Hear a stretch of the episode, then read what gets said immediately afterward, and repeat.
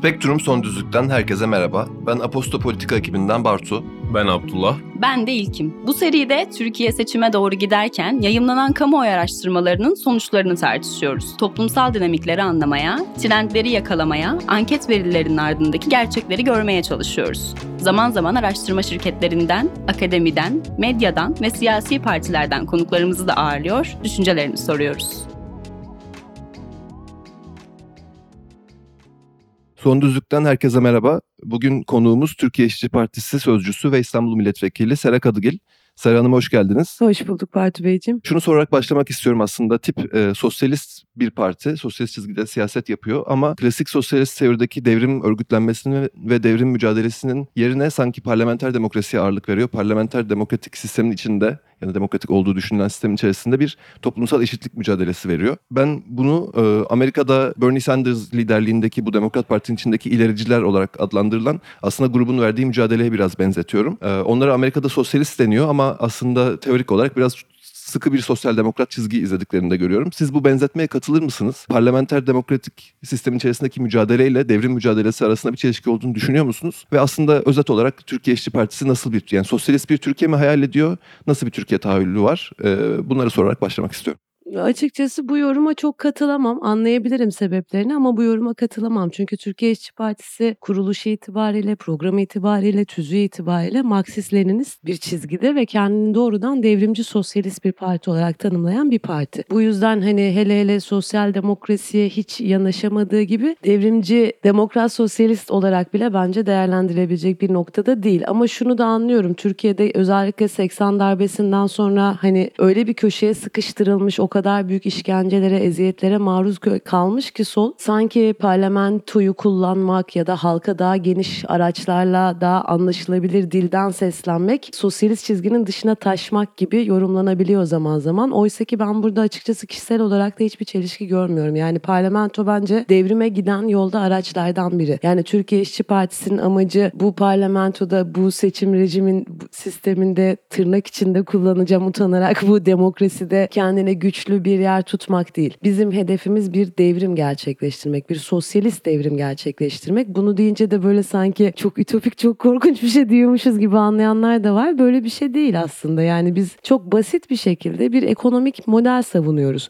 Bu ekonomik modelin adı sosyalizm ama bu ekonomik modele bunca yıldır içinde maruz kaldığımız mevcut kapitalizm olarak adlandırdığımız sistem nedeniyle bugünden yanır yarına bir seçimle erişemeyeceğimizin son derece farkındayız. Ama buraya eriş gelişmenin tek yolu devrimse devrimin de tek yolu kitlelere ulaşabilmek aslında. Ve baktığınız zaman köşeye sıkışmıştık diyoruz. Bu hani bir kenara koyuyorum sol sosyalist partileri. CHP gibi ana akım ana muhalefet partileri bile çok ciddi bir köşeye sıkışmış durumda şu anda. Yani AKP liderinin ağzından çıkan bir cümle işte 305 televizyon kanalı 175 gazetede manşet oluyor ve sizin söylediğiniz bir söz muhataplarına sadece ve yalnızca sosyal medya gibi kısıtlı mecralardan ulaşabiliyor. Şöyle ifade edeyim. Tipin şu anda gel geldi işte 40 yıllık bir aradan sonra sosyalist bir partinin anketlerde %1,5 seviyesinde görünüyor olmasının kaynaklarından bence en güçlüsü parlamentoda gösterdiği performans. O yüzden böyle parlamentoyu, Türkiye Büyük Millet Meclisi'ni, o kürsüyü, o kürsünün gücünü, seslenme gücünü bir kenara bırakıp görmezden gelecek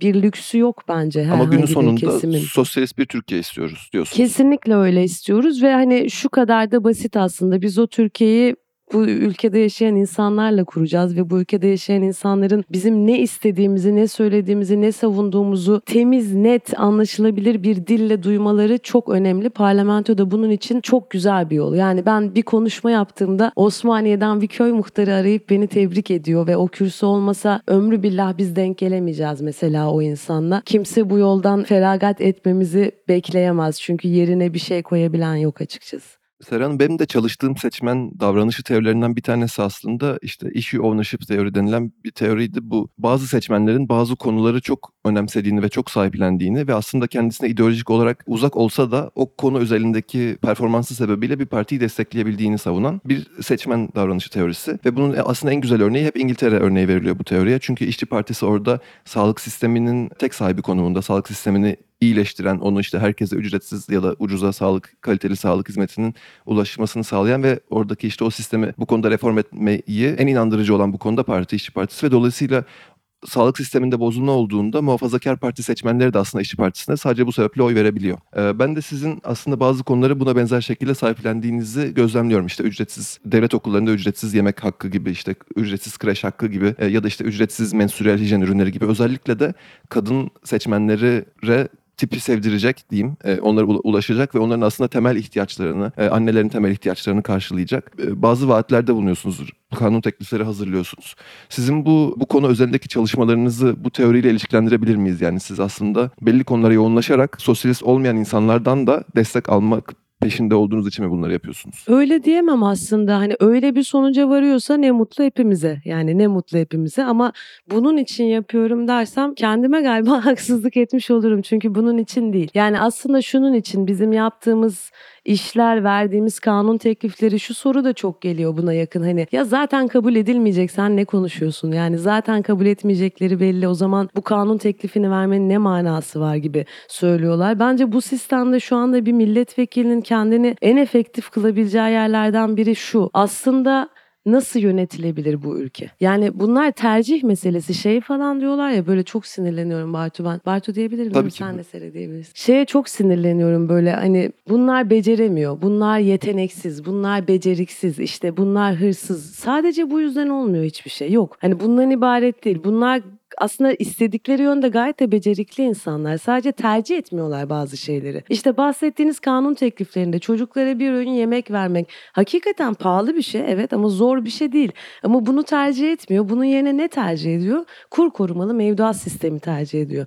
Ve bu teklifi vererek, bu talebi dile getirerek, bunu öne çıkararak hele hele ikame kaynaklarıyla ortaya koyduğunuzda insanlar hani ister sosyalist ideolojiye yakın olsun, ister uzak olsun, ister bunların hiçbiri umrunda olamasın hayat ailesi yüzünden. En azından şunu diyorlar ya evet hani bu devleti yönetenler isteseler benim çocuğumun böyle bir imkanı olabilir. Bu devleti yönetenler isteseler bu ülkede 13,5 milyon kadın çocuk bakmak zorunda olduğu için evde kalmayabilir. Ama bunu istemiyorlar ki. İstemedikleri için işte kamu kreşlerinin mesela %80'ini 10 senede kapatıyorlar. Çünkü kadının yeri evi onların gözünde.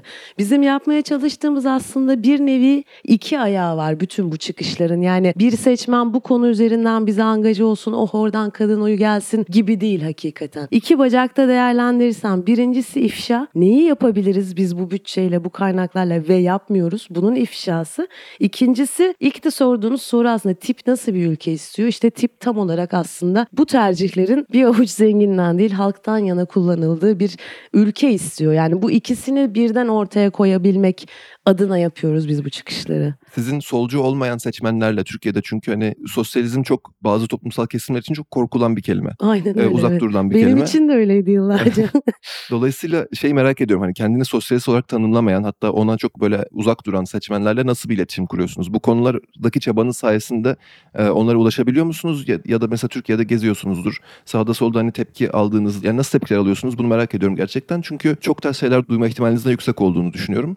Dediğim gibi toplumun büyük bir kesiminin çok uzak durduğu bir kavramı aslında ütopi olarak belirlediğiniz için kendinize. Yani şöyle evet aslında benim de tedirginliklerimden biriydi tipe geçerken bu soru. Çünkü karşılığı kelime olarak bile sosyalist, pis komünist falan hani neredeyse hakaret olarak kullanılan kelimeleri biz evet bir e, dediğim gibi model olarak önümüze bir idea olarak koyduk ve oradan devam ediyoruz.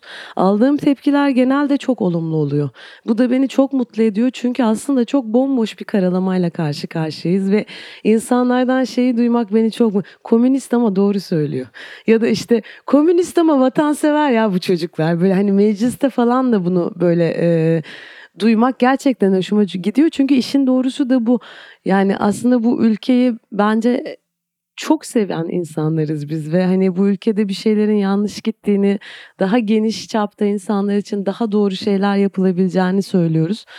Bu karşılık bulması da güzel. Az önce de galiba konuştuğumuz şey yüzünden yani hani sosyalizm dediğimiz illa korkunç böyle herkesin aynı evlerde oturup zorla günlerce çalışıp beğenmeyenin çalışmak hani böyle bir şey değil. Yani bunun böyle olduğunu bize anlatan zaten lanet olsun bu içinde yaşadığımız sistem. Yani tıpkı kadınlar şöyledir, kadınlar böyledir, erkekler şöyledir diye bize anlatanın ataerki olması gibi. Sosyalizmin ne olduğunu bize anlatan da onun aslında karşıtı olan kapitalizm. Yani bunu bunu kırabilmek bizim için çok e, önemli bir faktör. Çünkü biz hakikaten aslında e, bir anlatabilsek bu ülkede yaşayan herkesin çok işine yarayacak bir modelden bahsettiğimizi düşünüyoruz. Siz soldasınız spektrumda. Mesela sağda bir parti kuruldu Zafer Partisi adını Ümit Özdağ kurdu ve e, sığınmacı konusuna odaklandı. Sürekli sığınmacıların Türkiye'den gönderilmesi gerektiğini farklı sebeplerle anlatıyor. Buna yönelik bir program hazırladı ve aslında çok anlamlı bir oy oranına ulaşamadı. Tek başına mesela barajı geçecek bir desteğe sahip değil. Ama ses getirdi ve diğer partileri de aslında mesela sığınmacı konusunda e, program açıklamaya zorladı diye anlıyorum ben. Mesela İyi Parti'de de işte Gelecek Partisi de CHP'de bir takım sığınmacıların Türkiye'den nasıl gönderileceğini planlayan e, programlar hazırladılar. Bunu toplumla paylaştılar. Deva Partisi de yaptı. Bu aslında belki Ümit Özdağ bir parti kurmasa bu olmayacaktı. Yani toplumu sığınmacı konusunda kendine doğru şey bazı partileri yaklaştırdı. Siz de spektrumun öbür ucunda solda olarak diğer partileri bazı konularda sola çektiğinizi hissediyor musunuz? Bunu gözlemliyor musunuz? Çünkü ben hani merkeze yakın olmayan partilerin diğer partileri bazı konularda hep kendine yaklaştırdığını düşünüyorum. Çünkü siz bir şey öneriyorsunuz. Sonra bu toplum tarafından beğeniliyor. Ama işte onun kredisini de almak için yani o o kendi seçmen grubunu size kaptırmamak için hemen size doğru yaklaşan bir hamle geliyor mu diğer partilerden? Somut örnek e, üzerinden gitmeyeyim ama genel olarak ifade edersek evet diye düşünüyorum bu sorunun cevabını ve zaten hani gerek benim attığım adım işte atıyorum istifayla tipe katılmamda da bu anlattığınız faktörün çok büyük etkisi var ve buna çok büyük bir ihtiyaç da var bence şu anda Türkiye'nin bulunduğu durumda. Çünkü hani iki kutba sıkıştırılmak isteniyoruz ve o iki kutbun da aslında mahiyeti biri zaten tamamen hani sığın sığın marjinal sağ noktasına sürüklenmiş bir AKP-MHP ittifakından bahsediyoruz. Öbür tarafta muadili, muadili değil özür diliyorum başlıca hani iktidar adayı olarak şu anki gündemde görünen Millet İttifakı'na baktığınızda Ahmet'in çok sevdiğim bir lafı var. Yani partileri sağdan saymaya başlıyorsunuz. Tam sola gelemeden bitiyor. Hani en solunda CHP olan bir yapıdan bahsediyoruz. E, hani CHP dediğiniz tüzük manasıyla en azından sosyal demokrat bir parti. Nedir bu partinin varlık amacı? Sınıflar arası bir denge sağlayabilmek. E, yine ülke gündemine dönüp bakıyoruz. Hangi sınıflar arası? Yani kurulu hemen hemen tüm partiler sermaye sınıfına hizmet için kurulu partiler aslında. Yani hiçbiri bu mevcut sermaye düzeniyle derdi olmayan, bunu değiştirmek istemeyen, doğrudan işçi sınıfı temsili gibi bir iddiası olmayan partiler ve bu anlamda evet Türkiye İşçi Partisi'nin ben varlığını marjinal bir soluç tırnak içinde kullanıyorum ama kullanıyorum. Marjinal bir soluç olarak varlığını e, tüm e, hepimizin selameti açısından kıymetli görüyorum. Ve evet dediğinizde doğru en basitinden yani taleplerimiz o kadar meşru ki bir yandan işte çocuklar aç kalmasın. Yani orada her yerde kreş olsun. Bunlar herkes için nitelikli, ücretsiz sağlık hizmeti sunulsun. Bunlar zaten hani her vicdanlı insanın diyeyim etrafında buluşması gereken talepler ve evet şu etki oluyor. Biz bir cümle kurduğumuzda kamuoyunda bunun ciddi karşılığı olduğu görüldüğünde düzen partileri olarak niteleyebileceğimiz diğer partilerin de konuya ilgilendiğini, eğildiğini görmek bizi mutlu ediyor. Yani bunu bu arada şey gibi de söylemiyorum. Ha biz söylüyoruz onlar yapıyor falan. Asla değil. Ama evet yani solun bu ülkede bir karşılığı var ya. Yani her şeyi sağcılıkla çözmek zorunda değiliz. Her şeyi milliyetçilikle, her şeyi dincilikle çözmek zorunda değiliz. Emek siyasetinin, sınıf siyasetinin solun bu ülkede bir karşılığı var. Biz bunu göstereceğiz. Hem seçmene, yurttaşlara hem o yurttaşlara sadece seçmen muamelesi yapan diğer partilere göstereceğiz. Şimdi aslında en, cevabını en çok merak ettiğim soruyu soracağım. O da şu. Siz iktidar partisine karşı çok sert, belki de meclisteki en sert dili siz kullanıyorsunuz. Sürekli yargılanacaksınız, işte hesap vereceksiniz gibi böyle çok keskin ifadeler kullanıyorsunuz. Bu geçiş sürecine dair yani iktidar değişiminden sonra e, bugünkü AK Parti yetkililerinin çok zor günlerin bekleyeceğini e, tırnak içine diyeyim söylüyorsunuz. Öte yandan bir yazı okudum ben. Ateş İlyas Başsoy'un bir, bir günde yazdığı bir yazı ki Ateş Bey de 2019'daki CHP kampanyasının mimarlarından bir tanesiydi. Ve o kampanyadaki CHP'nin başarısını aslında kullandığı pozitif dille ilişkilendiriyordu. Ve işte bugüne kadar AK Parti'ye oy veren insanların büyük bir kısmının devlette ve hizmetlerde devamlılık beklediğini, iktidar değişiminde dahi bir kavga ortamı olmamasını e, istediğine dair bir tespiti var. Dolayısıyla AK Partililere yargılanacaksınız dediğinizde siz acaba karşı tarafta yani AK Parti, e, hükümeti destekleyen tarafta bir kenetlenme yaratıyorsunuz ve bu hep hani hep şikayet ettiğimiz kutuplaşma ortamına acaba hizmet mi ediyorsunuz gibi eleştirilere nasıl yanıt verirsiniz? Bunu gerçekten çünkü ben de bir seçmen olarak da hani sadece bir medya çalışanı değil kafam karışıyor. Hani burada hangi dil doğru? E, hangi dilin şeyde seçimlerde başarı şansı yüksek? Hangi dil ülkeye daha faydalı? Net bir düşüncem yok benim de çünkü gerçekten kafam karışıyor. Bunu merak ediyorum. Bir de şunu da merak ediyorum aslında. Yargılanacaksınız söylemiyle alakalı. E, bugün çok şikayet edilen şey şeylerden bir tanesi yargının siyasetin bir silahı olması, yargının bağımsız bir kurum ol- ol- olması değil de siyasetten emir alarak işte bazı soruşturmalar açması, bazı soruşturma açmaması gibi şeyler aslında siyasetin doğrudan e, emrinde olmasıyla alakalı bir durum. Siz de bu dili kullandığınızda aslında yargının bir si- silah olarak kullanılmaya devam edileceğini de haberini bize vermiş olmuyor musunuz? Çok güzel iki soru. Olmayacağımızı düşünüyorum. Düşünmüyorum, olmayacağımızı biliyorum. Şu iddialı başlayacağım çünkü ben aynı zamanda bir hukukçuyum ve hani Allah kahretsin diyerek siyaset yapmak zorunda kalan bir hukukçuyum. Ben çok istedim hukukçu olmak. Çok sevdim avukatlığı, çok sevdim. Yapabiliyor olsaydım yani gelen giden bana saçma sapan işte Yargıtay'da tanıdık var mı gibi sorular sormasaydı ve ben bu ne biçim soru dediğimde a ne güzel dürüst bir avukat bu insan demek yerine salak bu sistemi bilmiyor deyip müvekkil benim ofisimden çıkmıyor olsaydı ben zaten hani şu an bu röportajı muhtemelen sizinle yapmıyor ve mesleğimi yapıyor olurdum. Oradan başlamam lazım. Birine yargılanacaksın demek, ona bir yargı sopası göstermek ve şu anda siyaset senin elinde. Siyaset benim elime geçtiğinde benim sevdiğim insanlar hakim olacak ve benim sevmediğim insanları hapse tıkacak demek ancak bir AKP'liye yakışır sanıyorum. O yüzden dikkat ederseniz o dilde kullandığımız şey hapis yatacaksınız değil, mahkum olacaksınız değil, yargılanacaksınız diyoruz. Bu da çok açık. Yani kutuplaştırmaya hizmet ettiğini düşünenler bunu bence sizi tenzih ederek söylüyorum. Şöyle yorumlayanlar işte eli AKP'nin diline eline değmiş herkes. Yani şu e, apartmanın alt katında oturan komşumuz AKP'ye bir oy verdi ve bunun hesabını verecek gibi duyurmak istiyorlar. Ve bunu duyurmak isteyenler de yine aslında AKP'liler bu şekilde yorumlansın isteyenler duyulmasına vesile olanlar yanlış anlama yani bunu okuyup böyle yorumlayan biri böyledir demiyorum ama siz bir cümle kurduğunuzda başını sonunu kesip bir AKP yöneticisine söylediğiniz mesela yargılanacaksın lafını alıp AKP'lileri bilmem ne yapacağız diye yayınlayan havuz medyası mesela bundan kastım. Ama bundan hayır bir adım geri atmayacağız. Çünkü bu bir gerçeklik yargılanacaklar. Şeker fabrikalarının mesela kapatılması başlı başına bir yargılama konusu.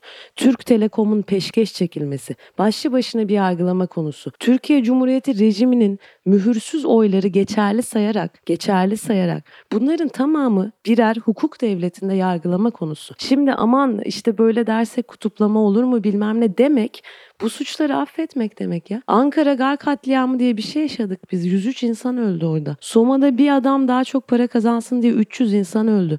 Buna yol veren yani cezası bir işçinin canı cezası 8 gün oldu. Buna yol verenleri, buna yol vermek istemeyen hakimleri bir hokus pokusla değiştirenleri biz bu insanlarla helalleşmeyeceğiz. Yani bu söylemin çıkış noktası zaten hatırlarsanız hesaplaşacağız noktasına gelmemizin helalleşelim çağrısı yaptı. Recep Tayyip Erdoğan yaptı bunu. Kılıçdaroğlu çıktı karşısında dedi ki getir sandığı hesapla helalleşelim. Biz diyoruz ki hayır bir sandıklık değil. Yani helalleşmeyeceğiz hesaplaşacağız. San- Buradaki tek eleştirim şu olabilir gibi hissediyorum. Buyurun. Bu kadar sert bir dil kullanıldığında e, sanki 20 yıldır AK Parti'ye oy veren bir seçmen düşünelim ve hı. kendine göre bir sebeplerle oy veriyor. Hani bir çıkar ilişkisi içerisinde de olmayan sıradan bir vatandaş Hı hı. olduğunu düşünelim. Bu vatandaşın sanki kötülüğe hizmet ettiğini onun kafasına kakmak gibi diyeyim yani işte bu, bu suç Hmm. işlendi sen de onun or- ortağı oldun şu, şu da yapıldı sen de o işte gar katliamı oldu sen de oradaydın gibi hani böyle aslında o başka gerekçelerle kendine ait başka gerekçelerle oy kullanıyor ama bu bu dille onu sanki ikna etmek imkansızlaşıyor gibi hissediyorum. Ee, Anladım. buna katılabilir misiniz? Yani Şöyle düşünebilirim. Belki bu insanlara gerçekleri ulaştırma şansımız olduğunda zaten artık böyle düşünmeyecekler. Yani hala o gerçekleri bu ülkede yaşayan insanların birçoğuna biz net olarak duyuramıyoruz. Ama dediğiniz gibi bir endişeye yol açıyorsa da elbette ki düşünmeye değerdir. Elbette düşünmeye değerdir. Ama tekrar ediyorum bu şu demek asla değil. Tarafsız ve bağımsız mahkemelerde bu halka suç işleyen yani bu bir AKP seçmenin AKP'ye oy vermesi nasıl bir suç olarak kabul edilebilir? Elbette ki değil. Ama o insana ben Müslümanım diye, ben Türk'üm diye, ben senden tarafım diye oyunu alıp o aldığı oyla, o insanın vergisiyle yapılan şeyleri peşkeş çekenler, rüşvet alanlar, gücünü kötüye kullananlar, makamını görü kötüye kullananlar ve ben eminim ki bir AKP seçmeni de gerçek suçları anlatıldığında oh iyi olmuş, iyi yargılanmışlar diyecektir. ama şunu merak ediyorum siz CHP'den istifa ederken Behice Bora'nın partisini ikisi bıyıklı üç erkeğe terk edemem diyerek e, ve aslında tipin sizin dünya görüşünüze daha yakın olduğunu söyleyerek Evet. tipe geçtiniz. Bugün bu karardan Memnun musunuz, pişman mısınız, ne açılardan memnunsunuz bunları merak ediyorum. Yani hani niye geçtiğinizi biliyorum da geçtikten sonra nasıl bir düşünceye sahip oldunuz onu merak ediyorum. Ya aslında ikinci sorduğunuz o güzel soruda gizli bunun cevabı. Evet niye geçtiğim belli yani. Evet gerçekten ve şiddetle bir sol ağırlık merkezine ihtiyaç duyduğumuzu yoksa ülkece ne ki hani sağ sol bilmem ne demeden bir uçurumdan aşağı yuvarlanıp gideceğimizi düşünüyorum. Ve bu kararla hareket ederek bir hamle yaptım. Ki çok da zordu benim için yani CHP benim yuvam dediğim bir yer. Yıllarca siyaset yaptım. En yakın arkadaşlarımı hani tabiri caizse arkamda bırakmak zorunda kalıp ayrıldım ve hiç kolay olmadı. Ama başından beri aynı şeyi söylüyorum. Ben hiçbir zaman bir siyasi parti bir şey olsun diye siyasete başlamadım ki ülke bir şey olsun diye siyasete başladım ve bunun daha kendimi ülke için daha verimli kılabileceğim bir alan gördükten sonra da hani kendime ihanet olurdu ötesi diye düşünüyorum. Bu açıdan da verdiğim karardan hayır hiç pişmanlık duymadım. Yani hiç pişmanlık duymadım. Çünkü ha, zorlanmıyor muyum? Çok zorlandığım oluyor. Bambaşka insanlar bir de tırnak içinde kullanacağım bambaşka bir mahalle neticede yani bambaşka bir camiaya giriyorsunuz. Zorlandığım oluyor. Bazen kendime ait hissetmediğim oluyor. Ama hiçbir zaman ben bunu niye yaptım keşke yapmasaydım dediğim olmadı. E, bilakis hani şu an yaptığım şeyi çok daha kuvvetli yapmak zorunda olduğumu her geçen gün biraz daha hissediyorum. Son sorum da aslında kişisel bir soru olacak. Eşiniz Doktor Tolga Sütlü Boğaziçi Üniversitesi'nde moleküler biyoloji ve genetik bölümünde öğretim üyesiydi. Daha sonra da bu sene kadrosu yenilenmedi. Bu hafta da okuduğumuz haberlerde işte işine geri dönmesini talep eden afişlerin söküldüğünü okuldaki afişlerin okuduk. Yani Boğaziçi Üniversitesi'nde yaşananlar aslında herkesin malumu. Yani orada hani birisinin başına bir şey gelmesi için illa bir milletvekiliyle evli olması gerekmiyor. Tabii ki. Ama bölümü itibariyle de çok politik, sosyal bilim değil sonuçta bir moleküler biyoloji bölümü. Acaba siz Tolga Bey'le evli olmasaydınız da Tolga Bey'in başına bu gelir miydi? Yoksa bu aslında size doğru bir sopa göstermek mi? Düşüncenizi merak ediyorum. Ben aslında şöyle düşünüyorum. Tolga başına moleküler biyoloji bölümünde bile bunları getirtebilecek potansiyelde bir tip olduğu için biz birbirimizi bulup evlendik. O yüzden hani yani sadece benim yüzümden oldu sırf benim eşim olduğu için uğraşıyorlar demek e, her şeyden önce bence Tolga'nın mücadelesine hakaret olur. Eğitim sen temsilcisi okulda. Evet hani annesini arkalardayım anne merak etme deyip hep en önde davul çalan bir insan kayyumlara karşı. İyi ki de öyle. Sonuçlarını da öngörmedi değil. Yani hepsinin de farkındaydı. O da ben de farkındaydık ama bunu yapmayı seçti. Onurlu olan da buydu zaten bence. Aman başıma bir şey gelir. Ağzımızın tadı bozulmasın Ali Rıza Bey diye devam etseydi hayatına zaten benim de ona saygım olmazdı. Öğrencilerin de olmaması gerekirdi.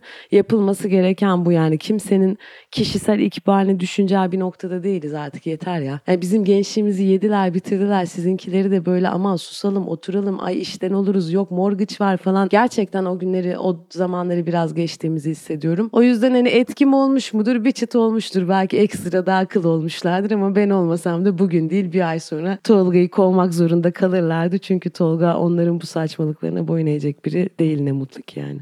Çok teşekkür ederim Sera Hanım. İyi ki geldiniz. Yani gerçekten çok güzel bir ekipmişsiniz. Yaptığınız işler de çok dikkate e, şayan mı denir ne denir? Ellerinize emeklerinize Çok teşekkür ederiz. Son düzlükten bu hafta bu kadar. Önümüzdeki hafta görüşmek dileğiyle.